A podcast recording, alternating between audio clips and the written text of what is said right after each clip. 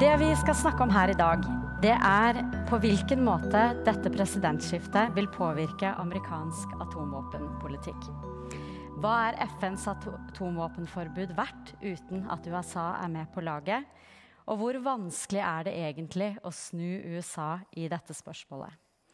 Og kanskje har dere som sitter der hjemme, en mulighet til å påvirke verdens største atommakt?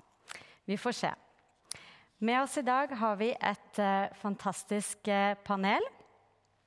Uh, Hans Olav Lahlum er historiker og forfatter og en kjent medieprofil. Han er langt over gjennomsnittet opptatt av amerikansk politikk. Og har akkurat, i hvert fall nesten akkurat, kommet ut med en bok i fjor som het 'Trump, Biden og slaget om USA'.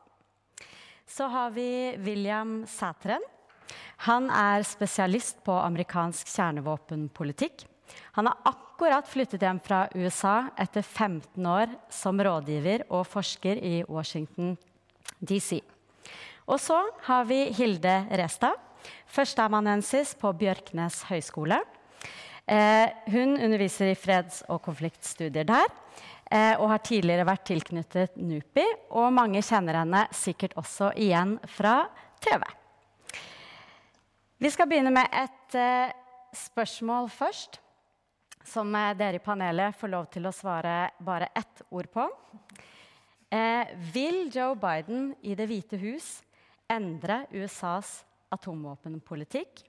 Ja, tja eller nei? William? Ja. Hilde? Tja. Og Hans Olav?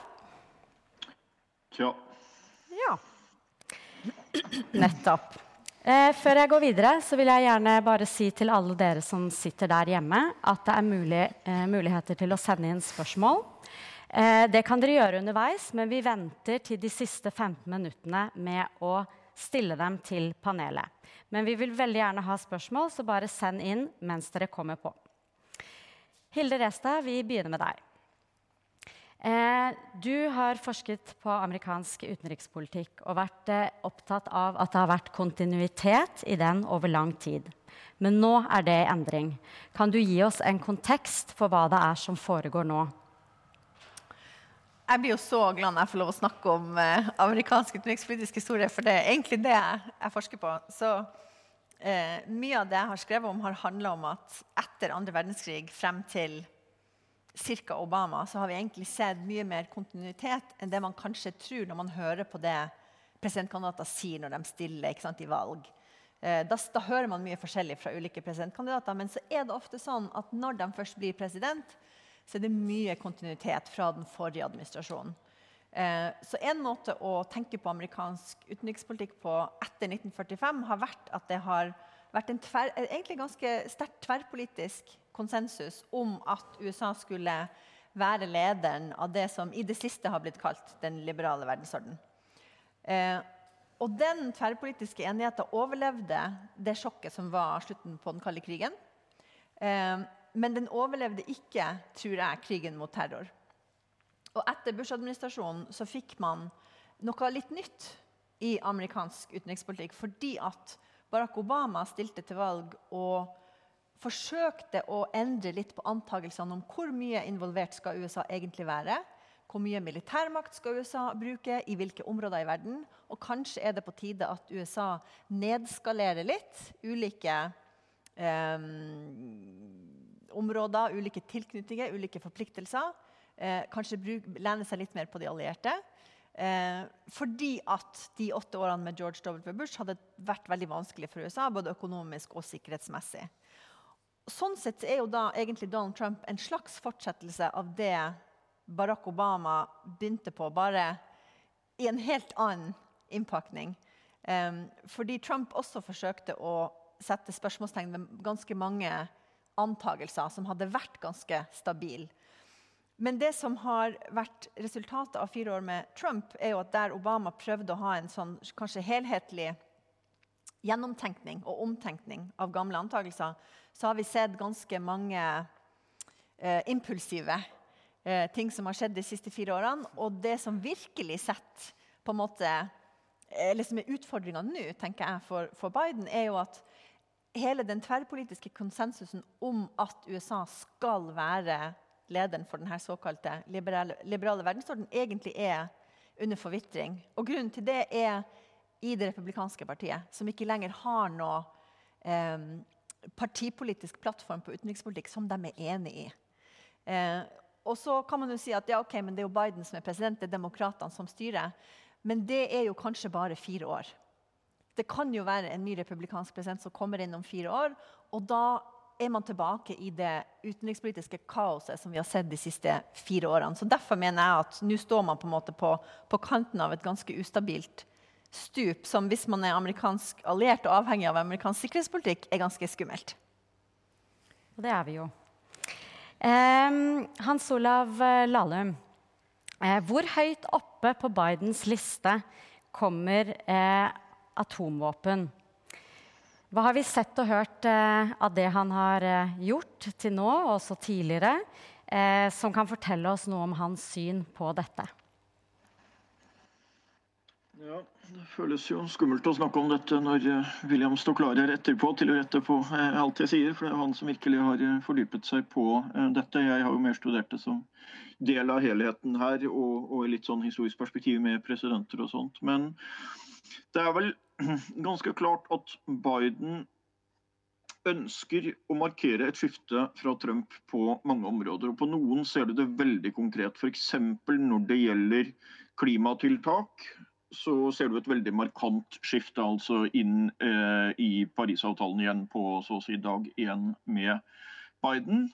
Og, eh, og, og, du kommer til å se flere skarpe skifter enn vanlig eh, ved inngangen til en eh, presidentperiode, fordi han veldig markert vil distansere seg fra en upopulær forgjenger som han også var veldig politisk eh, uenig med.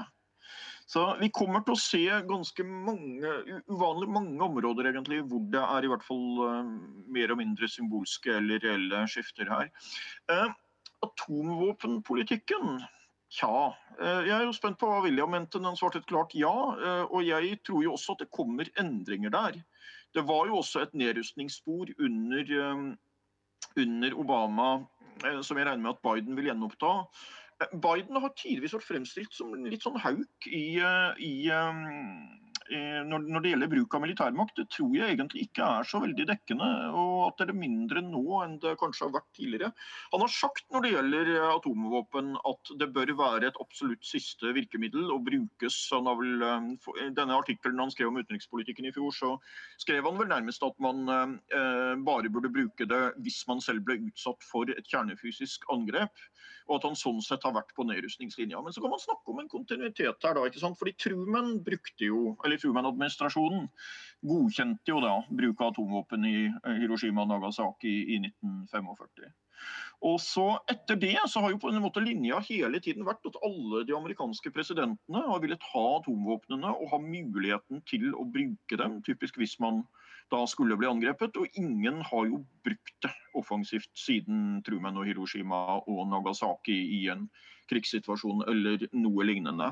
Eh, jeg tror at Biden også kommer til å gå inn der. og Et ledd i dette er jo at man er skeptisk til forsøk fra FN på å begrense eh, spillerommet man har til å bruke disse våpnene.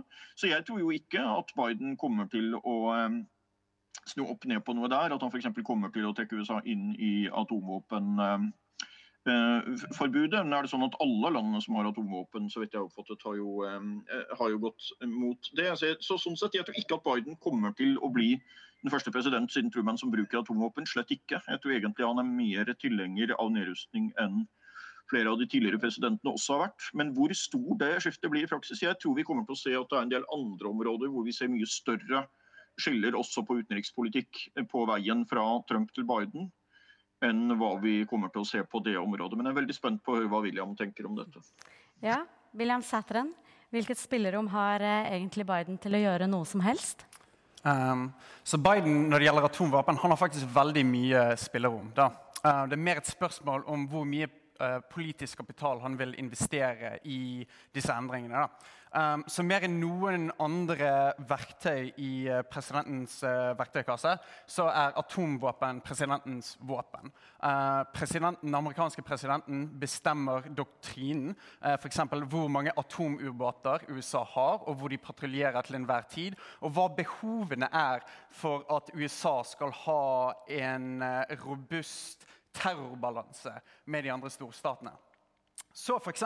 om eh, Biden bestemte seg for å kutte ICBM-missilet, eh, eh, det ene benet av den atomtriaden, så kunne han faktisk gjort det uten å måtte ha dette via Kongressen.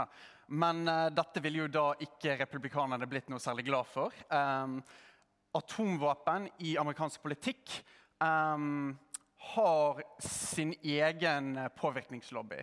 Um, det er stor business. Uh, firmaer sånn som Lockheed Martin og Northrop Grumman som lager disse våpnene. Altså, det er flere hundrevis av milliarder dollar på spill. Og uh, de lar ikke de kontraktene gå uh, noe særlig lett. Um, så spørsmålet, så Grunnen til at jeg svarte ja, var egentlig dette. Da, at Biden lett kan gjøre endringer hvis han vil. Og historisk så har alle amerikanske presidenter eh, satt sitt preg på kjernevåpenkomplekset i USA. Um, det er tradisjonelt at hver amerikansk president i første året av eh, presidentskapet kommer med en Nuclear Posture Review. En rapport som går ut på hva eh, status quo er, liksom hva atomvåpenpolitikken er, og hvordan det burde endre seg i løpet av den presidentens eh, tid um, for å kunne sikre mot det nåværende trusselbildet. Da. Um, så det er et par ting som er veldig lett, uh, som jeg kan se for meg. F.eks. For forlengelse av ny start. Um, det er en nedrustningsavtale som USA signerte med Russland og ratifiserte i 2010. Uh, og den går ut på dato 5.2. Uh, og Den ville Trump ikke forlenge, men det har Biden sagt nå at han vil gjøre. Så akkurat der stor forskjell. Hvis Trump hadde vunnet presidentvalget, så hadde den uh, mest sannsynlig gått samme veien som INF-avtalen og JCPOA, atomavtalen med Iran. Um, så akkurat bare det er ett uh, eksempel på hvor jeg ser endringer. Mm. Men uh, man kan jo ikke snakke om noe som helst nå uten å snakke om pandemien. Uh, Biden har jo lovet en stor krisepakke. Er det uh, noe måte å, å, se at pandemien kan virke inn på dette? Jeg mener, Det er jo enorme kostnader forbundet med atomvåpen. ser du noe, er det noe rom for endring der? Er det, er det, den posten han plukker fra, eller velger han andre? Um, så veldig logisk, og som en nordmann ville jeg sagt selvsagt ja. Altså, dette, Det sier seg selv. ikke sant? Altså, pandemi, altså, Nå uh, går den amerikanske regjeringen for en ny eh, krisepakke for pandemien som kommer til nesten 2 trilliarder dollar. Eh, store pengesummer. Og da vil du tro at det er naturlig at de kutter andre steder i budsjettet, hvor det brukes veldig veldig, veldig mye penger, sånn som på militæret. da. Uh, uten at det nødvendigvis gjør uh, rike sikre. Men som amerikaner for dobbelt statsborgerskap Americans, we love our guns and we love the troops and the military. og det er veldig veldig vanskelig fra et politisk standpunkt å kutte noe som helst i forsvarsbudsjettet. Spesielt hvis du er en demokrat.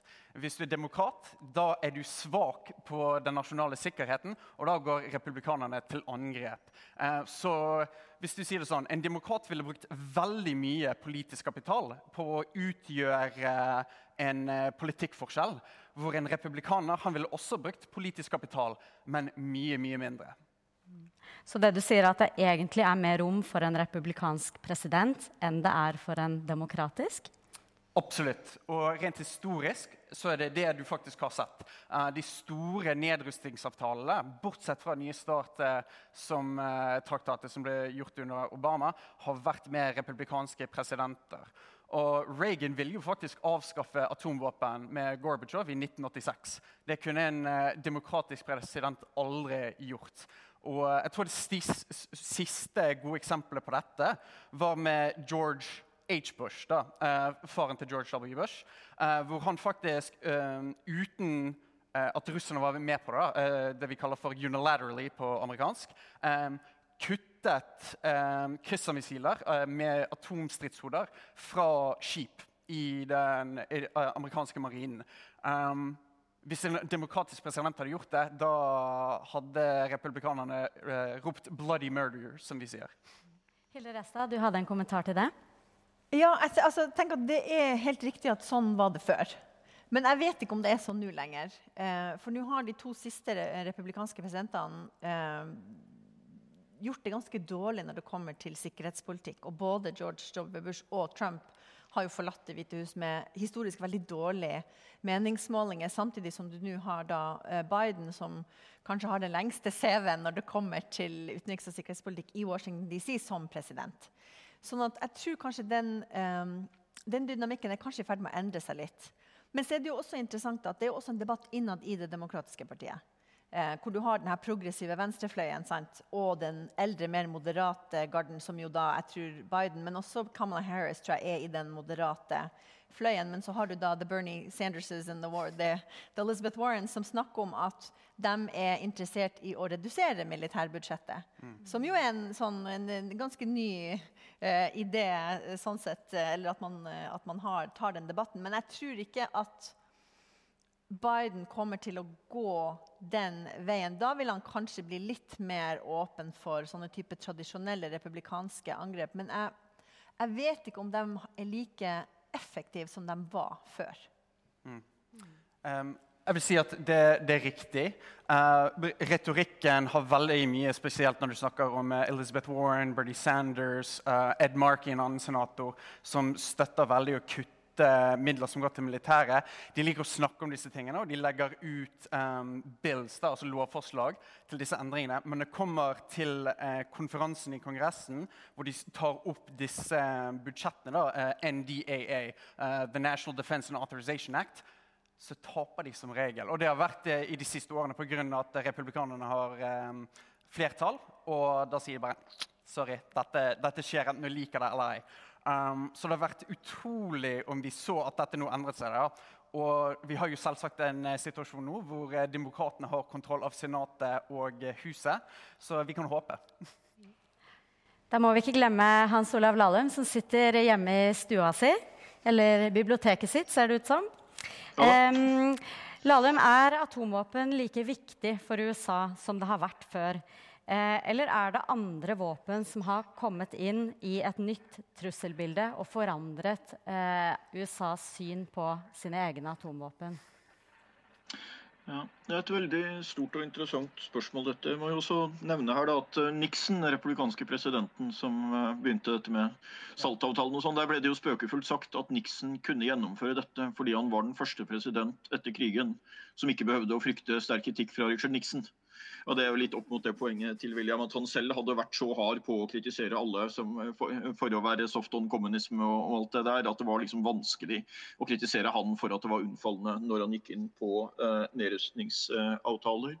Eh, det er jo en lang historikk på dette med atombombene og liksom den og den voldsomme bokstavelig talt sprengkraften siden 1945 og sjokket med Hiroshima og, og Eh, Nagasaki og dette. Og det har liksom hele tiden vært det store riset bak speilet. Og jeg er enig med William i at det er på mange måter når det gjelder doktriner osv., så, videre, så er det mye som kan endre seg. Og så er spørsmålet hvor store praktiske konsekvenser kommer dette så til å få. Og Det er liksom det der voldsomt store riset som har ligget bak speilet hele tiden. De store konsekvensene det kan få.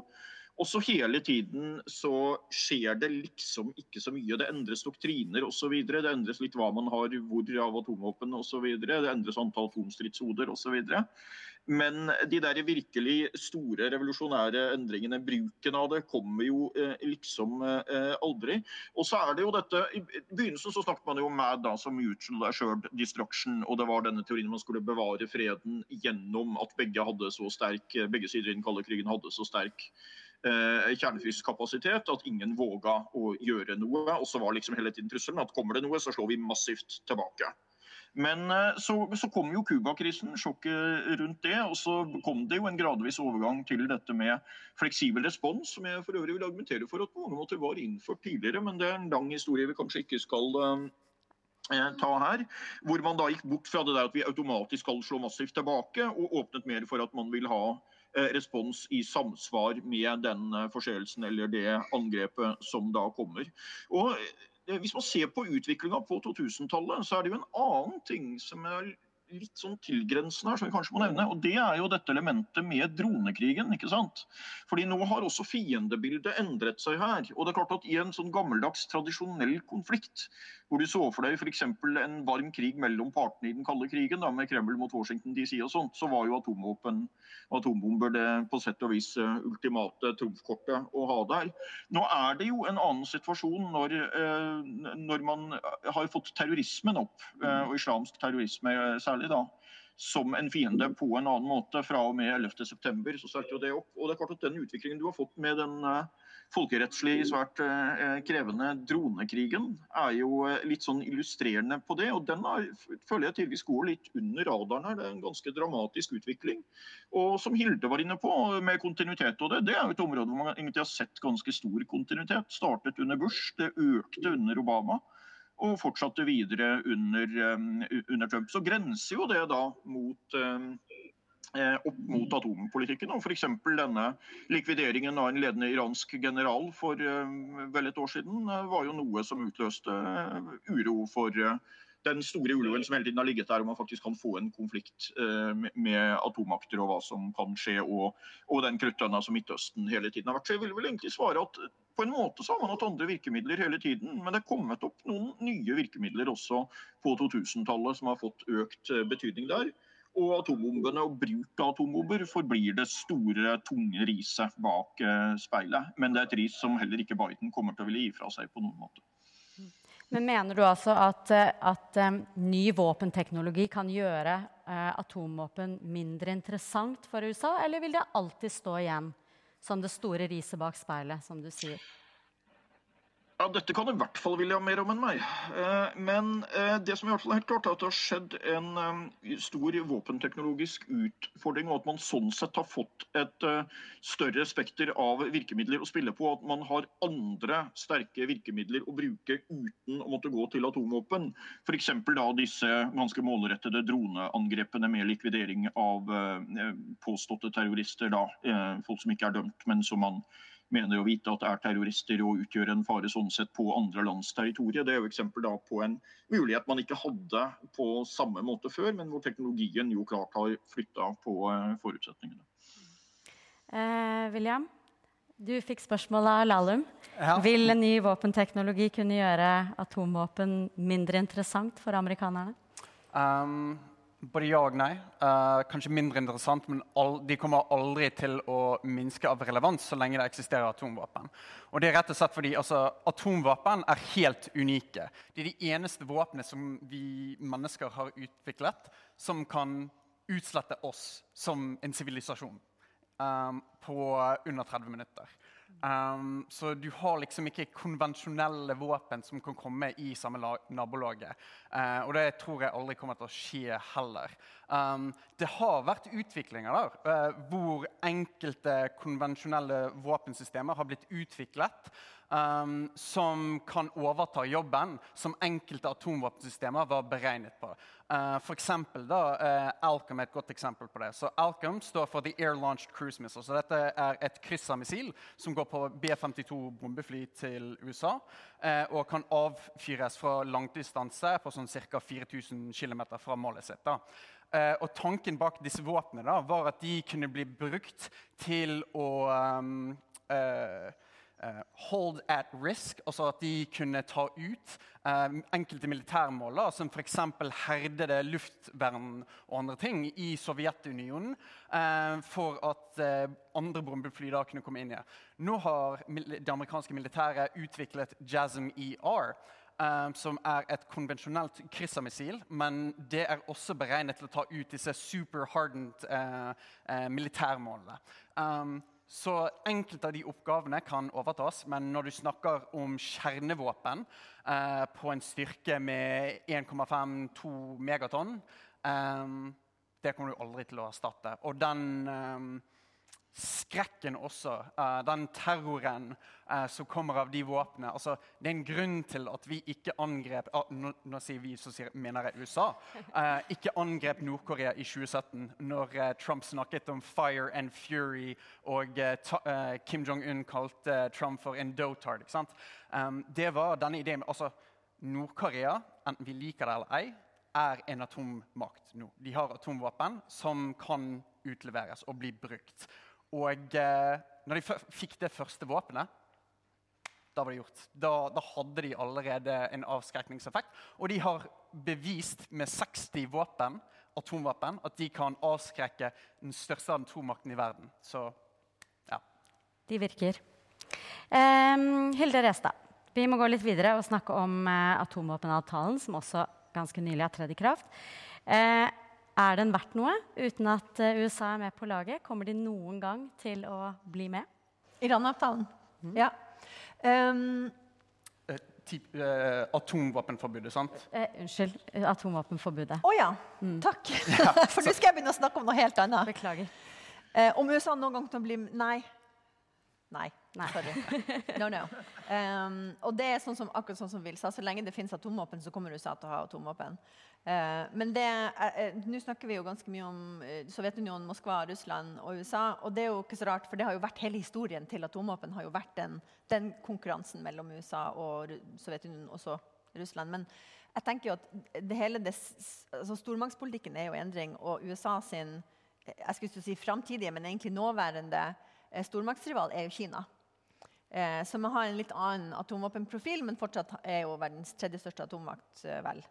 Men da så, så, da er vi på en måte inne i en, en ny vil jeg si, æra da, i, i, stormaktspolitikken etter andre verdenskrig. Hvor vi er kanskje på vei inn i en ny sånn, eh, bipolar eh, konkurranse, men med en helt annen type utfordrer til USA enn, enn det Russland er nå. Som jo tross alt, selv om det er en atommakt, ikke har like mange strenger å spille på som det Kina har. Så det er kanskje også noe man må ha med inn i, inn i beregninga at nå er det ganske store endringer på gang i internasjonal stormaktspolitikk. Mm. Men eh, siden du har eh, brakt Kina opp på banen, så er det jo sånn at det vil jeg jo regne med står ganske høyt på Bidens liste, forholdet til Kina. Og det er jo et helt annet forhold enn de har hatt med eh, Sovjet og senere Russland. Det et, eh, går jo på handel, eh, og da er jo ikke atomvåpen et, et maktmiddel, på en måte. Vil det, vil den, det nye scenarioet som du skisserer nå, ha noe å spille inn på eh, USAs ønske om å opprettholde mengden atomvåpen, f.eks.? Det tenker jeg egentlig at Vil må svare på, men de har jo så forskjellige eh, arsenal. Det er vel vanskelig å, å, sammenligne, stemmer ikke det? Jo, det, det er helt riktig. Eh, så USA eh, har 4500 atomvåpen eh, som er aktive. da. Eh, ikke nødvendigvis utplassert. Eh, og I tillegg har de ca. like mange 4500 atomvåpen som har blitt um, retired. Altså de avventer å bli destruert. Kina har rundt 300. Eh, så det er mange ganger mindre. Det, det, kan egentlig ikke sammenlignes. Eh, kineserne har eh, de testet første atomvåpenet sitt i 1969. Um, så hvis de ville, kunne de lett vært på det nivået som USA og Russland er på nå. i forhold til antall atomvåpen. Men de har gått mer på en um, um, doktrine da, av um, minst mulig antall atomvåpen som du trengs for å avskrekke. Og det, det, er absolutt ikke noe som USA eller Russland har gått litt for. De, de falt jo ganske mye inn i dette eh, atomvåpenkappløpet som skjedde under den kalde krigen. Hvor på høyden av den kalde krigen så hadde, hadde de totalt 32 000. Så de har kommet ganske langt ned. Um, men jeg har sagt litt stopp siden ny, nye starter uh, de siste ti årene. Så kort og greit de, nei, de kan ikke sammenlignes. Mm. Um, et spørsmål til eh, alle i panelet. Hvor avgjørende er det at Nato-land signerer eh, forbudet? Eh, og er det en reell mulighet for at det kommer til å skje i nær fremtid? Eh, Lahlum, vil du begynne? Ja, jeg vil egentlig begynne litt mer med ting som allerede er sagt. Jeg, hvis, eller gå, gå litt inn på temaet der. fordi det er jo slik at Man har jo rett og slett en ny form for supermaktskonflikt her. Hvor Kina helt klart er utfordreren til USA eh, økonomisk sett. og Det er det kineserne har satsa mest på, selv om vi ser et Kina som også militært viser muskler i større grad. Men det er klart at når du ser på atomarsenal, så vil jeg si at det er litt ulike tall ute og går der. Men det er USA og Russland som er i, i særklasse største i fotsporene fra den kalde krigen fortsatt. Og over 90% av verdens eh, atomvåpen tilhører eh, de to. Og det er klart at det, Nå er det hovedsak USA vi skal snakke om i dag. Men det er jo kjempeutfordring knytta til Russland, som også har svakere demokratiske institusjoner, eh, svakere fri presse, svakere demokratisk system osv. Men de to landene inntar jo, som det ble antydet her, en, en særstilling der. Så hvis du skal se på atompolitikken isolert, så er det jo Russland som er rivalen til USA. Men uh, i andre sammenhenger så er det jo Kina som mer er uh, kommet opp. Uh, Nato-land og sånt, ja. altså Det er jo denne utfordringen da, at Du har altså to land som er supermaktene der og sitter med veldig store atomarsenaler. Så lenge du ikke har med noen av de to, og, og for øvrig heller ingen av de andre atommaktene, så er det jo store, et stort spørsmål hvor mye må vi jo innrømme, hvor mye et atomvåpenforbud er verdt. Det kan likevel ha stor betydning. Biden har vært veldig tydelig på, et, på noe som blir et hovedtema her. Han er mye mer interessert i et godt forhold til de allierte, mye mer interessert i dialog med de enn det Trump har uh, vært. Og Det åpner jo selvfølgelig en mulighet for en påvirkning på atompolitikken gjennom uh, NATO, uh, NATO-allierte. Og uh, det kan jo være en påvirkning på eh, atompolitikken også, selv om, eh, selv om, land ikke direkte går med i et atomvåpenforbud. Så vil jo mange av de ha merket at det er et atomvåpenforbud. Og man vil jo ha folkevalgte politikere der som vil være interessert i hva opinionen i eget land synes. Så i den grad det blir et press i opinionen for at flere Nato-land og NATO-land skal gå med på atomvåpenforbudet, så vil jo det være noe som også vil komme inn mot USA, som potensielt vil ha større påvirkning på atompolitikken under Biden enn hva det hadde under Trump. tror jeg er det nærmeste jeg kommer der. Så en lite poeng å nevne der. Trump så altså også på sikkerhetspolitikken primært som uh, forretninger. Uh, og det er gjennomfallende at Trump var den presidenten i etterkrigstiden som har lagt mest økonomiske føringer på sikkerhetspolitikken. På den måten at Han var f.eks. ikke mot at USA skulle ha baser i ulike andre land. Eh, men han ønsket bare at de andre landene skulle betale for dem, slik at USA gikk med overskudd på det. Og Det er et, da et gjenkommende tema, denne USA først og økonomien først-linja, som egentlig var gjennomsyrende der. Og så kommer vi også til å se at Biden-administrasjonen har mye større interesse for menneskerettsspørsmål enn hva Trump-administrasjonen hadde. Så det er mange store temaer som henger sammen her. Mm. Hilde Resta? Jeg tenkte bare at det var eh, Du spør om Nato, og eh, det, det, korte svaret er jo at i Nato er det USA som bestemmer. Eh, så det USA vil, det gjør vi. Men de siste fire årene har vært en veldig uvanlig situasjon. Eh, ikke sant? Fordi at for første gang siden Nato ble oppretta, har en amerikansk president stilt spørsmål ved om Nato i det hele tatt skal eksistere, og hvorfor det. Um, så Sånn sett så vil jeg jo tro at um, det er litt uvanlig tid i Nato hvor man har en interesse av å komme sammen, være enige om 'don't rock the boat'. Uh, sånn at det kanskje ikke er tida akkurat nå for eh, eh, kontroversielle forslag som kan skape splid innenfor alliansen, vil jeg tro. Så du har ingen tro på at det kommer noen eh, Nei. Mm. Eh, William?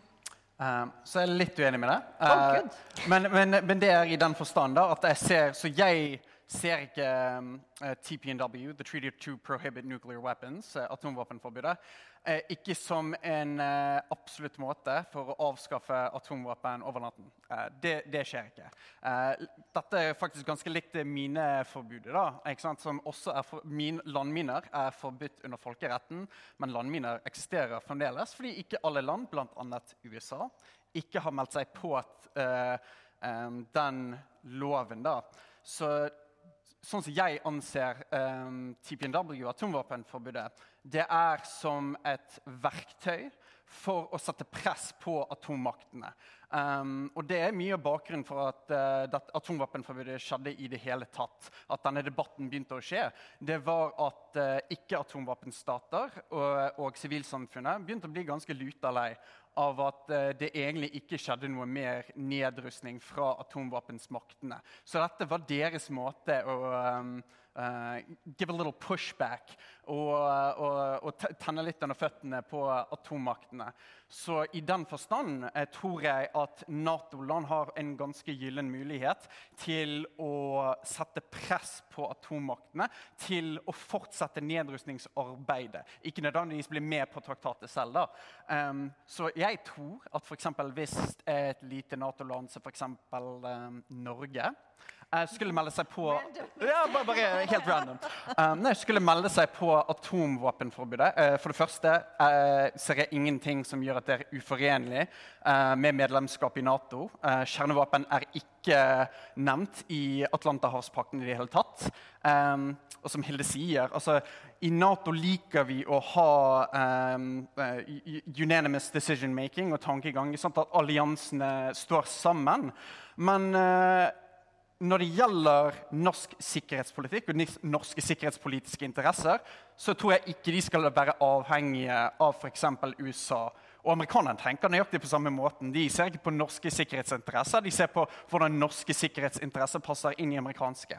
Og nå har vi et system hvor en av våre allierte, eh, USA, har kjernevåpen.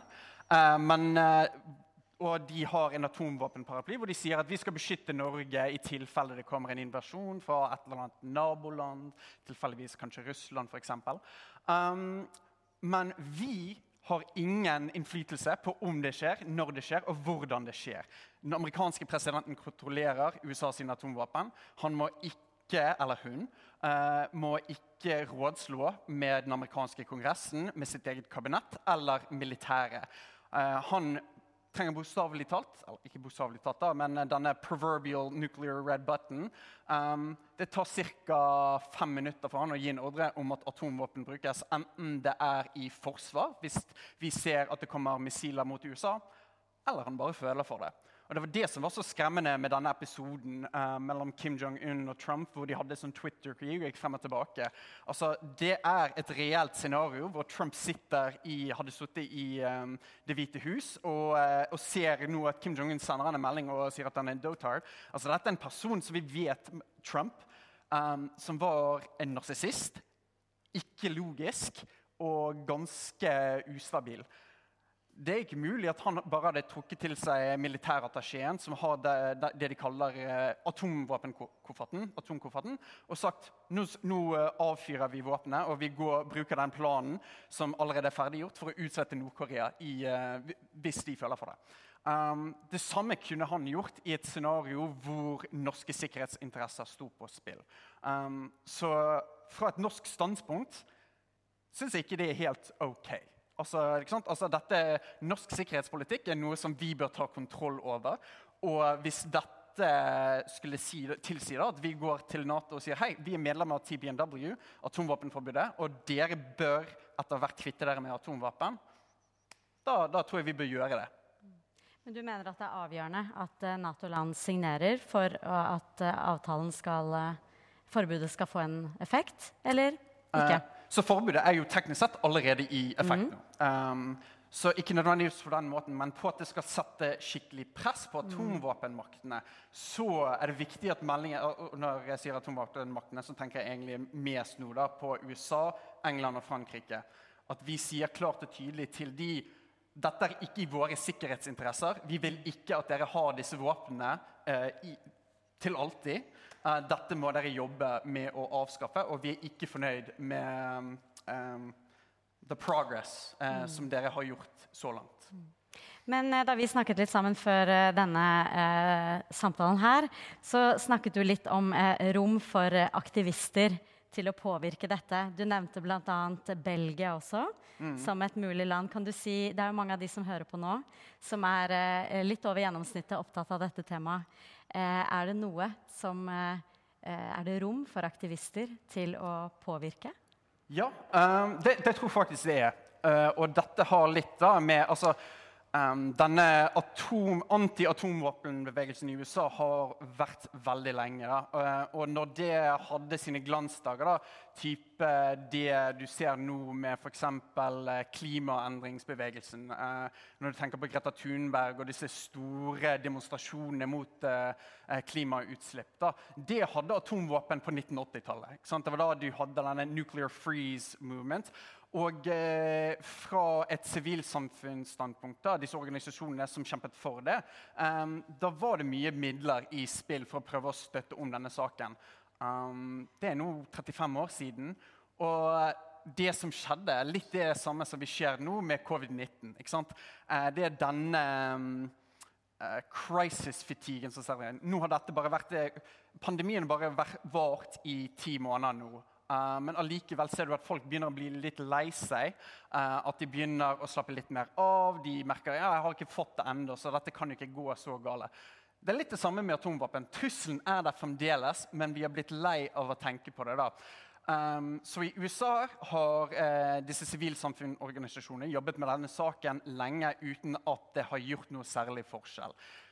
Så fra disse eh, støttespillerne, Sverre foundations, som gir midler til disse Jeg tror at det er en mulighet til å støtte om organisasjoner, sivilsamfunnsorganisasjoner, påvirkningsorganisasjoner i land som f.eks.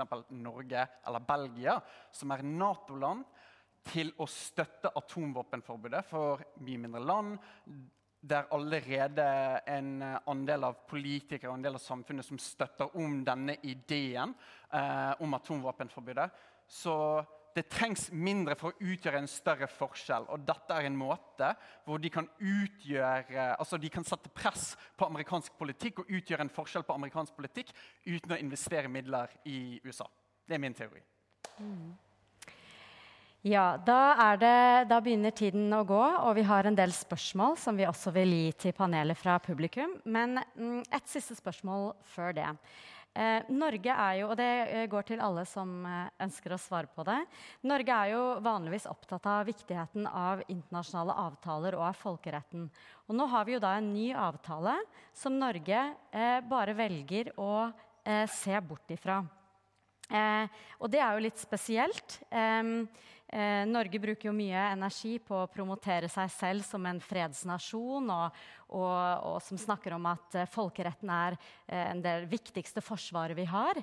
Eh, har dere en kommentar til dette? Altså På hvilken måte kan dette endre synet på Norge eh, utenfra, eller hvordan endrer det oss?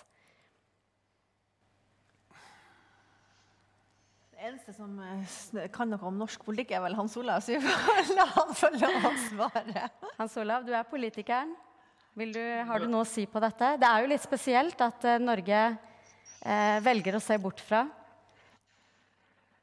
Ja vel. uh, ja, er det det? Altså fra, fra Nato-medlemskapet kom i 1949, så har det jo vært en oppfatning som man kan være enig eller uenig i eh, fra eh, skiftende regjeringer, at det er en bærebjelke, og at den alliansen er grunnleggende viktig for å trygge Norges sikkerhet. Det kan man argumentere for eller mot om det er riktig, men det er nå i hvert fall den oppfatningen som skiftende regjeringer og skiftende statsministre har hatt. Og Jeg har egentlig oppfattet at det liksom går foran.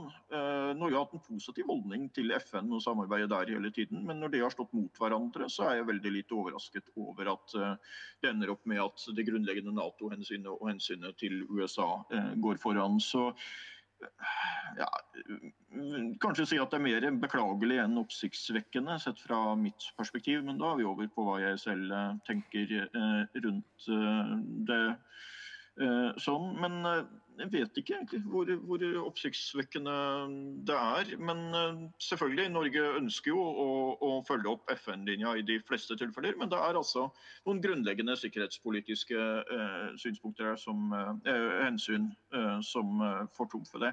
jeg har lyst til å nevne der at jeg er jo så gammel Amnesty-aktivist. Faktisk var jeg det før jeg ble både politiker og historiker. Men dette er jo sånn klassisk situasjon. Kan innbyggerne i Norge og de som ønsker å være aktivister i en sak som denne påvirke? Ja. Hvordan gjør man det? Man har veldig liten mulighet til å nå frem direkte overfor Biden-administrasjonen i USA. Men man har en mulighet til å påvirke direkte hvis man påvirker eh, Det er et valgår i år. Hvis man påvirker og får til at det kommer en regjering som ønsker å, at Norge skal slutte seg til atomvåpenforbudet, så vil det på den måten som har vært beskrevet her, bidra til oppmerksomhet om denne saken. Kanskje påvirke andre land i Nato til å gjøre det samme. Det får vi nå se hvilke muligheter det vil være på det i så fall.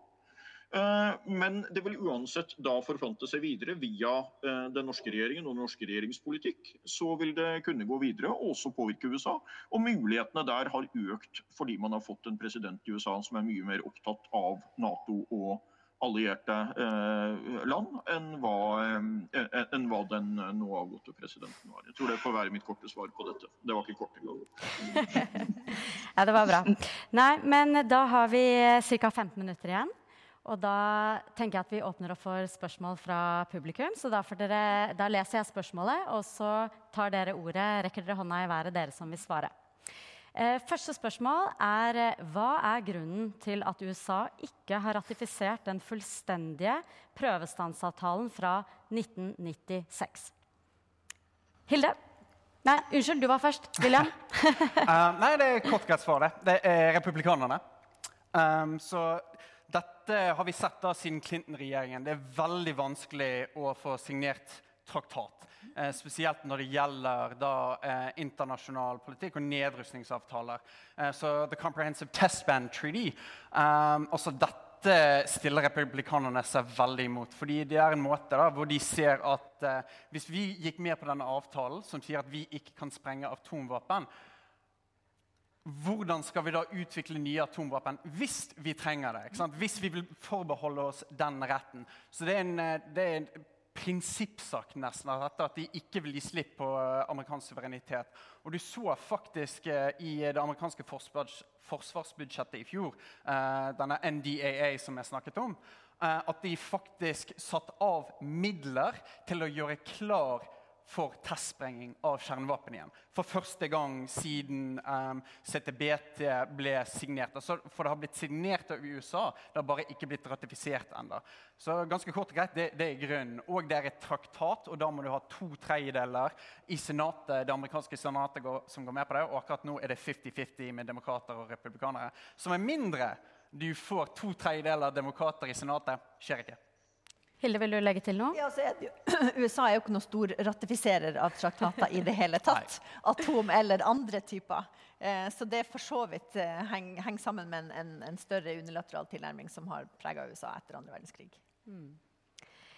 Ja, da er det spørsmål til eh, Hans Olav Lahlum. Hva ville ha vært et stort grep med hensyn til atomvåpen i dine øyne? Å endre bruk til kun gjengjeldelse av andres atomvåpenbruk?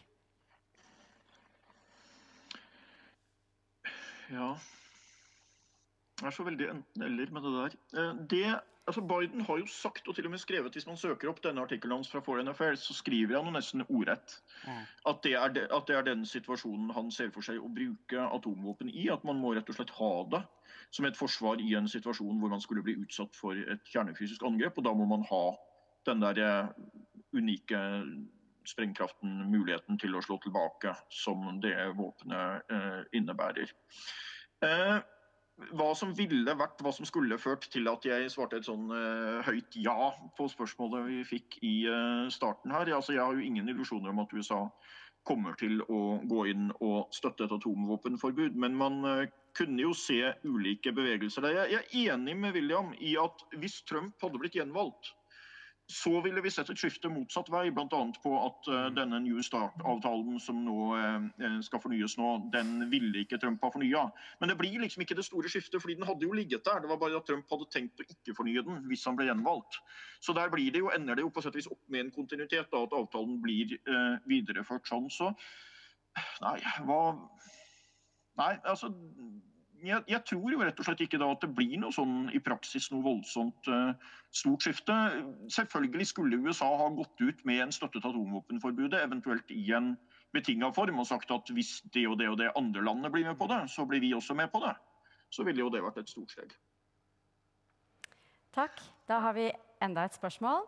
Eh, og det går også til den som vil svare på det. Det er ikke rettet til noen spesiell. Eh, står det noe sted at USA kan svare med atomvåpen på andre angrep enn atomvåpen? F.eks. cyber. Noen som føler seg kallet? Jeg kan gjerne ta det. Ja? Um, så veldig kort og greit. Uh, nei, det står ikke noe sted at USA kun kan svare på atomvåpen under f.eks. et strategic attack. Altså, dette går litt tilbake til det jeg snakket om, at Trump kunne ha brukt atomvåpen mot Kim Jong-un hvis han bare følte for det.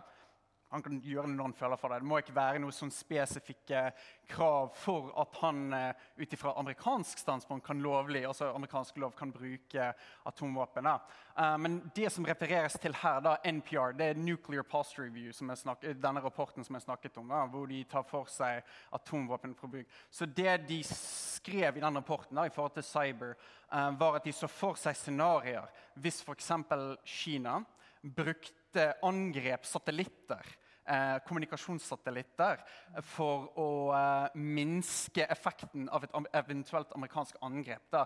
Eh, og da snakker jeg om for at eh, de eh, har bakkestyrker som kan kommunisere med hverandre, skip som kan kommunisere med hverandre. Problemet er at disse satellittene også kontrollerer eh, våre early warning systems. Altså disse systemene som skal oppdage at det har blitt avfyrt raketter. Så da kan amerikanerne se det. Så Hvis kineserne gjør det fordi de vil se f.eks. at USA er i ferd med å angripe dem på konvensjonelt måte, da ser amerikanerne å nei, nå er de i ferd med å skyte på oss med atomvåpen. og Det er derfor de har tatt de satellittene. Så, de, så dette går litt på denne avskrekningsteorien, maktbalansen. da, eh, At de sier hvis disse satellittene det er no go zone. Angriper du de, da kan vi bruke atomvåpen. Uh, men altså, det, det, er mer scenarioer enn bare det. det. det. var bare at de skrev det ned bokstavelig talt i en rapport som rett og slett en trussel uh, til at de kommer til å gjøre det. Vi har enda flere spørsmål. Uh, dette går også til alle hører Washington på personer som tidligere forsvarsminister William J. Perry, Global Zero Organization og lignende, som har foreslått å kutte ut ICBM og gå over til noe han kaller for deterrence only, kun ubåter. Spørs hva man mener med hvem er Washington, uh, og hva er Washington? ikke sant? Fordi at uh, Biden-administrasjonen er jo den litt mer moderate delen av det demokratiske partiet, som jeg sa i sted, men så har du da andre aktører i Washington DC som kan ha en stemme og en påvirkning. Men hvis man definerer Washington som presidenten, så er vel ikke Biden helt der enda, så vidt jeg har forstått.